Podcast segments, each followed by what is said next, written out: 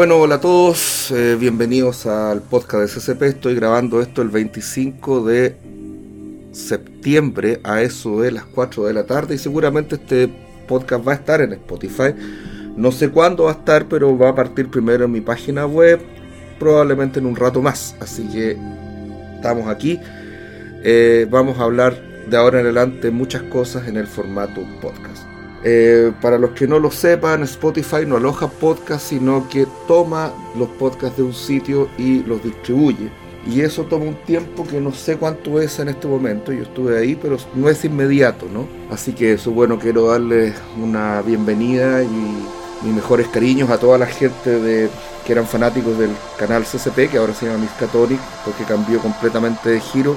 Y de alguna manera eh, creo que tengo que dar algún tipo de explicación al respecto que no la podía dar por razones eh, bastante idiotas. Yo creo que le doy explicación a la gente que sigue el canal, no a la gente que al resto del mundo. Pero bueno, partamos por YouTube. YouTube en este momento es una absoluta prisión. Eh, canales como el de Johannes, canales como el del Villegas, que son grandes canales que ya superaron los 100.000 suscriptores no van a tener problemas. Pero por otra parte hay canales que no han superado los 10.000 que sí tienen problemas porque YouTube no quiere que hayan puntos de vista divergentes, a no ser que sean disidencia controlada. Esto quiere decir, por ejemplo, canales que hablen tonteras, teoría de la conspiración, qué sé yo, que fueron los marcianos los que hicieron el estallido social, eso no hay drama, digamos. Ahora, que alguien venga a efectivamente poner en duda el poder y todo eso, eso ya es más complejo. O sea, cuando uno dice, mira, la verdad es que las vacunas fueron creadas en un laboratorio, perdón,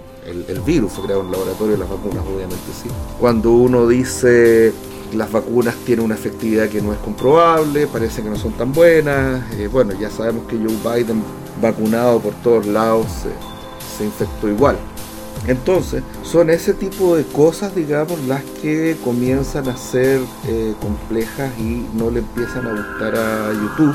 Y es así cuando uno tiene problemas. Hablar de la libertad también. Hablar de la libertad es un problema porque en este momento nos enfrentamos a fuerzas que no quieren la libertad. En este momento hay un intento globalista de unificarlo todo bajo la égida de los poderosos, digamos, gente como Bill Gates y otros. El rey Carlos III también estaba metido en eso cuando era príncipe Carlos, probablemente siga ahora como rey, not my king, como dicen los ingleses. Y y hay una serie de cosas que están sucediendo que YouTube no quiere que se digan. Ahora hay gente que las dice de todas maneras, pero ¿quién es esta gente que los dice? Gente con más de 100.000 suscriptores en el caso del mundo de la hispana, gente con más de 500.000. Tenemos a Russell Brand, que es súper bueno. Tim Pool, que se ha puesto medio antipático, sin embargo su información es realmente buena, Así que no hay nada que decir al respecto aunque a algunos no nos guste, y una serie de cosas, el tema de la guerra de Ucrania, que significa, claro, eh, Putin es malo, Zelensky es bueno, las cosas nunca son tan blanco y negro. Y todas esas cosas lamentablemente ya no es posible decirlas en YouTube. Y es por eso que eh, mi canal cambió. Eh, tengo un contenido de ficción que me gusta mucho hacer, que estamos haciéndolo con un gran asociado en esto de las letras que voy a llamar simplemente Tokugawa Meiji y no digo su nombre puesto que él es un muchacho bastante joven, extremadamente talentoso y verse involucrado con gente de ultraderecha, como diría nuestro querido amigo Villegas, puede hacerle mal a una brillante carrera que yo sé que la guarda. Los cuentos de él, los cuentos míos, los cuentos que hemos escrito en colaboración, están cada uno con su nombre, él aparece como Tokugawa Meiji. Les recomiendo también leer las biografías de Tokugawa Meiji, todas las veces que aparece él va con su biografía, pero cada biografía es dice, eh, diferente y delirante. Eso es una cosa muy entretenida que les quiero decir. Y bueno, hay varias prácticas que lo obligan a uno a salir de YouTube. Para empezar, la primera de todas está el shadow ban. Pasar de 500.000 visualizaciones a rajuñar las mil fue algo terrible la gente empieza a decirle a uno qué pasa, que no ha subido video. Lo normal es que yo suba un video a la semana, no siempre el mismo día, no siempre se puede, yo trabajo solo, hago todo, desde la edición de video, el sonido, etcétera, pero un video a la semana. Y mucha gente me dice, hacía tiempo que no ha subido video. Claro, Eso se llama shadow banning, no te llegan las eh, visualizaciones, no apareces en la pantalla recomendados. Recomendados son los videos que cuando uno se mete a YouTube, los primeros videos que aparecen son los que a uno le recomiendan. Y tampoco aparecen los sugeridos. Los sugeridos son aquellos videos que aparecen cuando termina uno de ver un video y se llena la pantalla de varios videos, los videos que te sugiere ver a continuación. Ninguno de esos aparece si tu contenido no le gusta a YouTube. Eh, pasaron también otras cosas, por ejemplo, ya uno quiere hablar de temas, por así decirlo, que están ahora en la palestra, cosa que yo no hago mucho, pero a veces hago. Lo hice con el tema de cuando los americanos se fueron de Afganistán, por ejemplo, donde realicé una pequeña cronología y ese video estuvo demonetizado por una semana.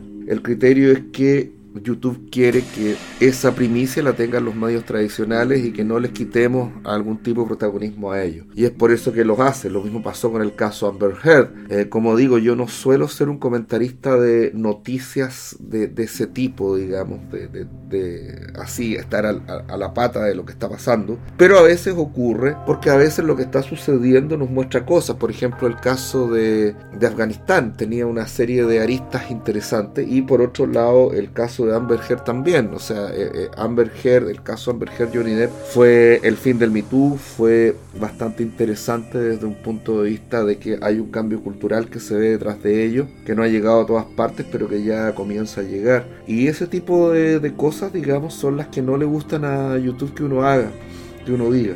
El tema de la libertad también, lo que se llama liberalismo clásico, lo que antiguamente era casi una idea de izquierda y ahora es una idea de ultraderecha ¿Qué es lo que dice el liberalismo clásico? Que eh, todo ser humano debería poder hacer lo que quiera en la medida que no daña a otros. Eso es básicamente el liberalismo clásico. Hablamos de John Stuart Mill, que no es el primero en hablar de esto, pero sí un poco el último, y por ende quien unifica este, todas las teorías liberales de tradición inglesa anteriores hasta llegar al presente. Eh, ahí están también en ese, en ese plano Ralph Waldo Emerson y todo eso, la, eh, en el tema de la autogeneración del individuo. Todo ese tipo de temas no le están gustando a YouTube. Eh, en el fondo lo que se busca es que tengamos identidades colectivas, por ejemplo la tendencia sexual, eh, qué sé yo, la, el color de la piel, la raza y todo eso. Esto con el fin de dividir a la gente para permitir que otros grandes poderes le hace foro de Davos y todo lo que eso implica. Eh, hay gente que habla de los Bilderberg, de todo eso, no, pero todo es lo mismo. Digamos que es la gente que tiene plata y poder que quiere unificar el poder y mandar en el mundo. Y bueno, nos tienen asustados con el calentamiento global, que el calentamiento global se podría acabar si lisa y llanamente dejamos de quemar carbón y petróleo para producir electricidad y usamos plantas nucleares. El problema es que las plantas nucleares dura mucho tiempo el combustible y no es negocio para mucha gente, es por eso que no se quieren usar. Hay gente que vende carbón, hay gente que vende petróleo, etcétera. Y todo esto al final nos dicen, no, la culpa es tuya porque comes carne, no, la culpa es tuya porque andas en auto, eso no es verdad. Yo estoy en Chile, para los que no me conocen y me ven por primera vez, me escuchan por primera vez porque no me están viendo.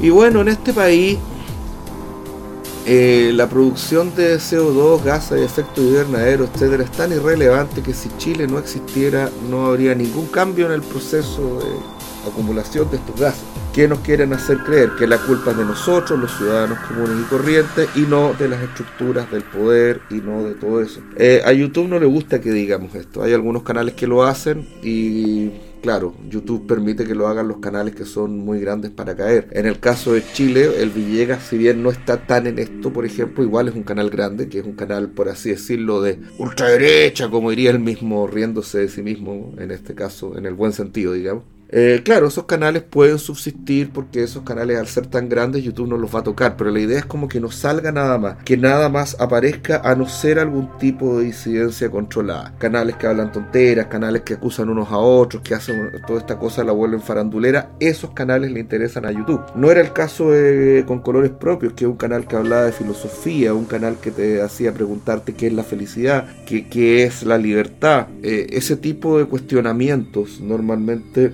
son los que hacen que las personas logren mayor autonomía eh, y los individuos se fortalezcan. Los individuos separados no, tienen mucha fuerza, pero estos colectivos como la raza y el sexo son falsos.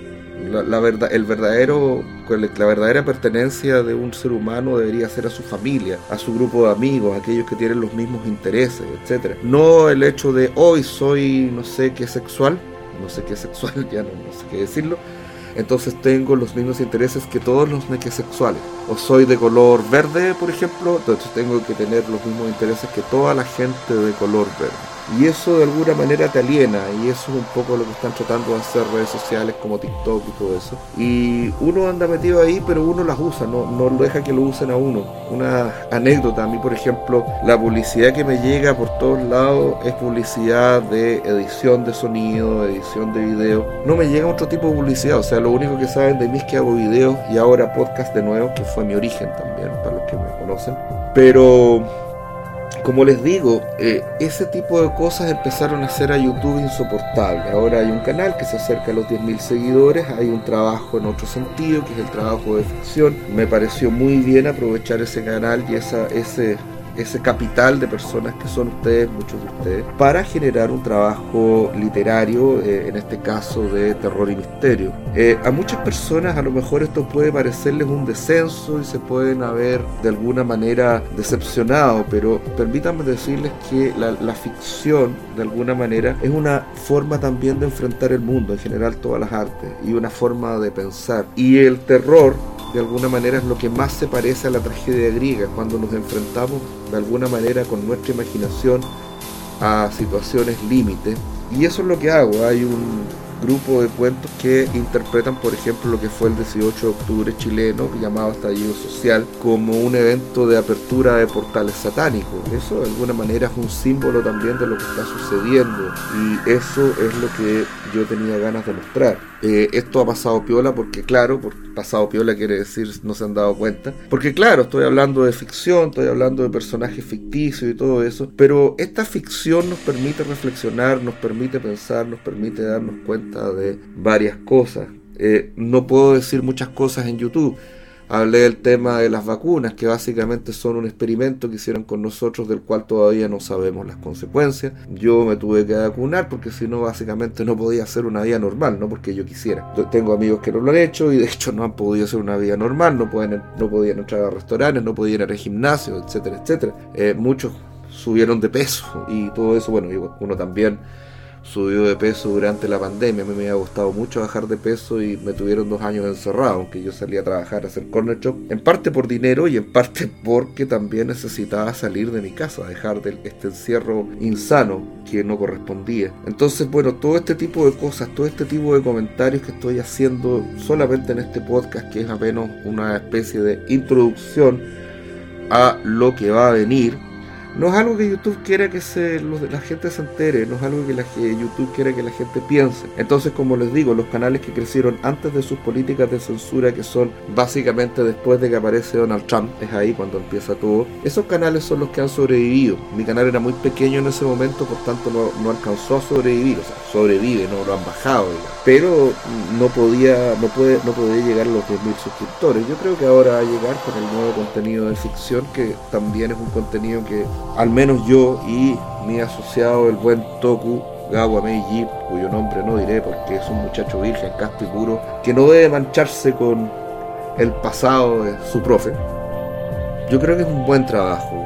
Al respecto de este muchacho Tokugawa, debo decir que llevo muchos años trabajando en guion y en trabajo creativo y es la primera vez que en mi vida que tengo una colaboración satisfactoria con otro autor. Otras veces he colaborado con actores, con directores, pero generalmente con otros autores la colaboración nunca ha sido buena, siempre he considerado que les falta algo. En el caso del buen Tokugawa Meiji eh, es un caso especial, así que véanlo porque van a apoyar a un artista joven que en algún momento podrá decir que es Tokugawa Meiji y decir su verdadero nombre, pero eso está por verse. Así que bueno, hay algunos videos que me gustaría transformar en podcast, todo lo que tuvo que ver, por ejemplo, con la escuela de Frankfurt y otra serie de cosas que se entregaron en su momento, los conceptos de disidencia controlada, de agenda pública, que son conceptos que en general no maneja la mayoría de la gente, especialmente la gente de derecha, digamos, que en general no maneja ningún concepto, más bien maneja números, eh, cifras, y están con esa convicción extraña y su mantra que es dato mata relato. Eso no es verdad, los datos por sí solos no dicen nada. Hay una película que se llama La, Guía del Viajero Intergaláctico, eh, The Hitchhiker's Guide to the Universe, basada en trabajos escritos de Douglas Adams, una de mis películas favoritas y libros preferidos también. Y en esta película, libros, aparece una raza superior entonces que crea una supercomputadora y le preguntan a esta supercomputadora queremos que nos dé la respuesta por el sentido de la vida, la existencia y todo lo demás. Entonces la computadora les dice, sí, yo te puedo dar esa respuesta, pero me voy a demorar un rato. ¿Cuánto te vas a demorar? Me voy a demorar 7 millones de años. Ya, ya no importa, esperaremos los 7 millones de años. Pasan los 7 millones de años. Llega esta super raza frente a esta supercomputadora que se llama Deep Thought, pensamiento profundo. Y esta supercomputadora está ahí, todos le preguntan, ¿tienes la respuesta? Y la computadora les dice, sí, pero no les va a gustar. Todos asustados. Ya, no importa, dinos cuál, cuál es la respuesta. La respuesta por el sentido de la vida, la existencia y todo lo demás es... Y todos, taratatán, redoble tambores, 42. Eso pasa cuando uno da un dato frente a una pregunta por relato. Eso es lo que es una buena, una buena metáfora, digamos. ¿En qué sentido? Bueno, me siento bien, me siento mal. Oye, pero la economía ha crecido. So what? Y eso en ese sentido es algo que la izquierda ha hecho muy bien, aunque ahora se está cayendo porque si bien la izquierda lo ha hecho esto bien, lo ha hecho basado en fantasía y ahora estamos viendo como nada de esto funciona y se está cayendo y estamos viendo también cómo aparentemente este estallido social espontáneo en realidad fue preparado, lo que me tiene extremadamente sorprendido. Bueno, ahora no me están viendo la cara, que lo que acabo de decir era irónico, era absolutamente obvio que esto fue preparado y para mí fue terrible cuando lo vi, nadie se da cuenta. El único, entre, bueno, no el único, pero muchas personas, pero la voz pública, digamos, fue Villegas que decía esto fue eh, preparado. Mientras por otro lado, todos los medios de comunicación hablaban del estallido social y Chile despertó y había una tremenda euforia sobre todo este tipo de cosas. Y uno dice, oye, pero esto no puede ser. No que hay una estación de metro con fósforo, con un, un encendedor. No, esto está mal, está mal, está mal. Y sin embargo, la gente lo creyó y ahora que dicen, oh, salió todo esto, bueno, yo no sé de dónde salió, que se supone que fue una potencia extranjera la que habría hackeado a los militares chilenos, no sabemos quiénes, no quiero especular al respecto, pero si bien obviamente no he leído los miles de miles de correos, 300 mil y los no sé cuántos gigas de información, porque son muchos, eh, no me sorprende lo que ha salido hasta ahora. Eh, sí me sorprende que en este momento estemos básicamente gobernados por traidores a la patria y nadie diga nada en esa, de esa forma, digamos, en los medios grandes, digamos. Aquí en el mundo chico yo creo que sí se dice, pero bueno, cuando alguien salía con una potencia extranjera para causar daño en su propio país, eso es de alguna manera una forma de traición. Es la responsabilidad que le cabe a, Sebastián Piñera también sobre esto, que aparentemente estaba informado y no quiso hacer nada. ¿Qué está sucediendo en este país? ¿Qué pasa? ¿Qué tenemos miedo? Todo ese tipo de cosas, por ejemplo, son cosas que YouTube no me va a dejar decir, que no quiere que diga y todo eso. Yo en este momento estoy hablando en términos hipotéticos, obviamente, yo no sé nada, solo miro y saco mis propias conclusiones. Pero todo este tipo de cuestiones son cuestiones que no se pueden decir eh, YouTube no me deja hablar. YouTube es una absoluta y verdadera mordaza. Y es por eso que decidí capitalizar el canal y hacer para promocionar una ficción que yo considero buena y espero que les guste. El canal ahora se llama Miskatonic PhD. Pero nosotros vamos a seguir conversando por este medio, eh, que en este momento este este podcast lo estoy grabando, no está en ninguna parte. Cuando lo subo va a subir primero que nada a mi página web y después de mi página web va a estar en Spotify y de ahí se va a distribuir por todas las plataformas de podcasting que puedan encontrar. Así que me gustaría que lo viéramos. En este sentido, eh, tenemos algunas ventajas, como por ejemplo se puede hablar con mayor libertad en un podcast de lo que se puede hablar en YouTube, donde prácticamente ya no se puede. No podemos transmitir en directo eso es un problema también. Sin embargo, me gustaría escucharlos. Eh, voy, a, este, eh, voy a establecer un correo especial para la gente del podcast que se pueda comunicar conmigo. La gente de Patreon ya puede hacerlo, digamos, porque tienen este asunto, pero aún así se mezcla con todos los correos. En mi página web, que es arturoruiz.net, seguramente va a haber una caja de comentarios. El problema es que las cajas de comentarios de las páginas web se llenan de spam y entonces uno va y se encuentra con miles de ofertas en ruso y ucraniano de Viagra y otras cosas. Entonces, entre medio encontrar eh, los verdaderos comentarios es re difícil, por eso a veces cuesta. Así que yo creo que pronto voy a facilitar un correo para recibir vuestros comentarios para que podamos tener una conversación. No podemos hacer esto en vivo, no podemos hacer esto, eh, esa es la limitación técnica por ahora de esto que es el podcasting.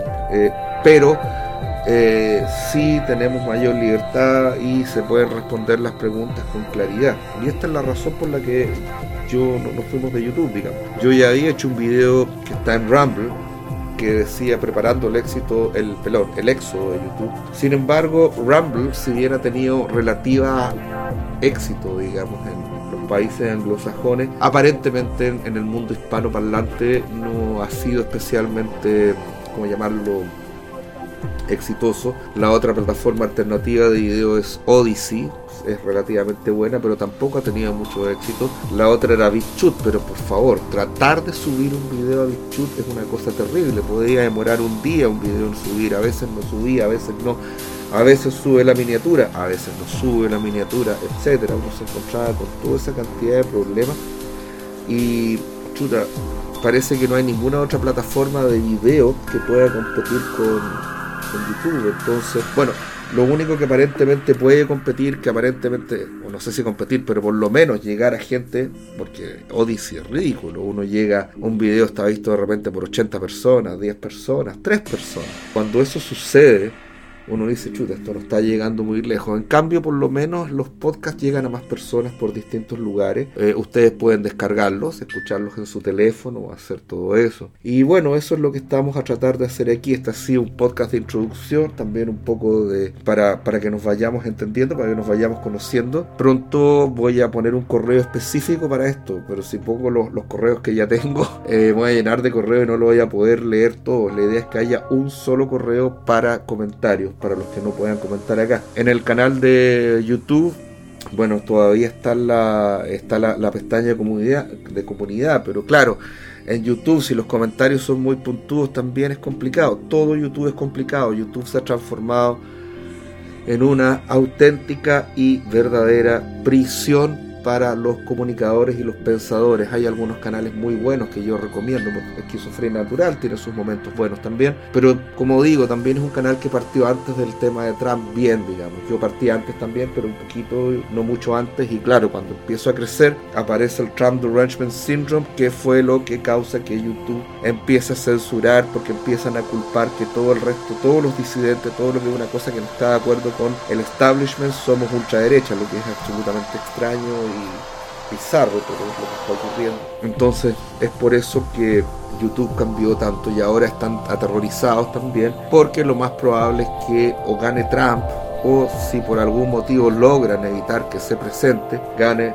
Ron DeSantis, que es actualmente el gobernador de Florida, que es un hombre más o menos la misma posición que Trump. Y los demócratas están aterrados y dentro de los demócratas están gran parte de las personas que trabajan en Silicon Valley. Y es por eso que la cosa está poniendo cada vez más dura y cada vez más difícil. Pero YouTube todavía nos sirve, nos sirve como un contenido de entretenimiento, como un contenido de ficción y la ficción y el entretenimiento también son vehículos para entregar ideas, para entregar reflexión. Y en ese sentido, creo yo que el género del terror es una de las mejores cosas, así que los invito a ver este programa. Bueno, creo que eso ha sido todo para este primer podcast, eh, donde nos estamos reconociendo con muchas personas, conociendo con otras personas, conociéndonos verdaderamente con personas que me conocieron en YouTube, en los cuales en plataforma en la que uno estaba amordazado y no podía decir las cosas. Y por eso es que estoy tirando este podcast. Bueno, espero que esto les haya gustado y nos estamos viendo la próxima en otro podcast de, con colores propios que ahora va a estar acá. Y por favor, sigan mis Catholic PhD, igual se van a entretener, va a ser entretenido, está en YouTube, es divertido. Y el terror es siempre una forma de reflexión y la ficción es siempre una forma de reflexión y a través de ella muchas veces la humanidad ha alcanzado grandes lugares. Bueno, eso sería todo por este primer podcast que yo creo que van a salir los días domingos y nosotros nos estamos ya no viendo, pero nos vamos a escuchar a la próxima en las que le tendré un correo y todo eso para que podamos facilitar este diálogo. Eso sería todo. Chao.